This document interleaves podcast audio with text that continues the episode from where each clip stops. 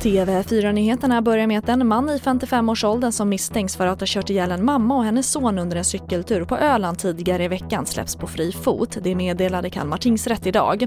Misstankarna mot mannen kvarstår men han ses inte kunna påverka den fortsatta utredningen och mannen själv nekar till brott.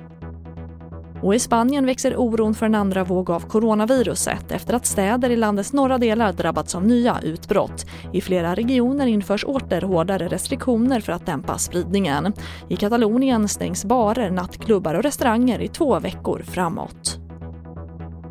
Och på den nordligaste norska ögruppen Svalbard slogs det värmerekord igår. Temperaturen nådde upp till 21,2 grader och så varmt har det inte varit på 40 år. Och de nya toppnoteringarna oroar forskarna.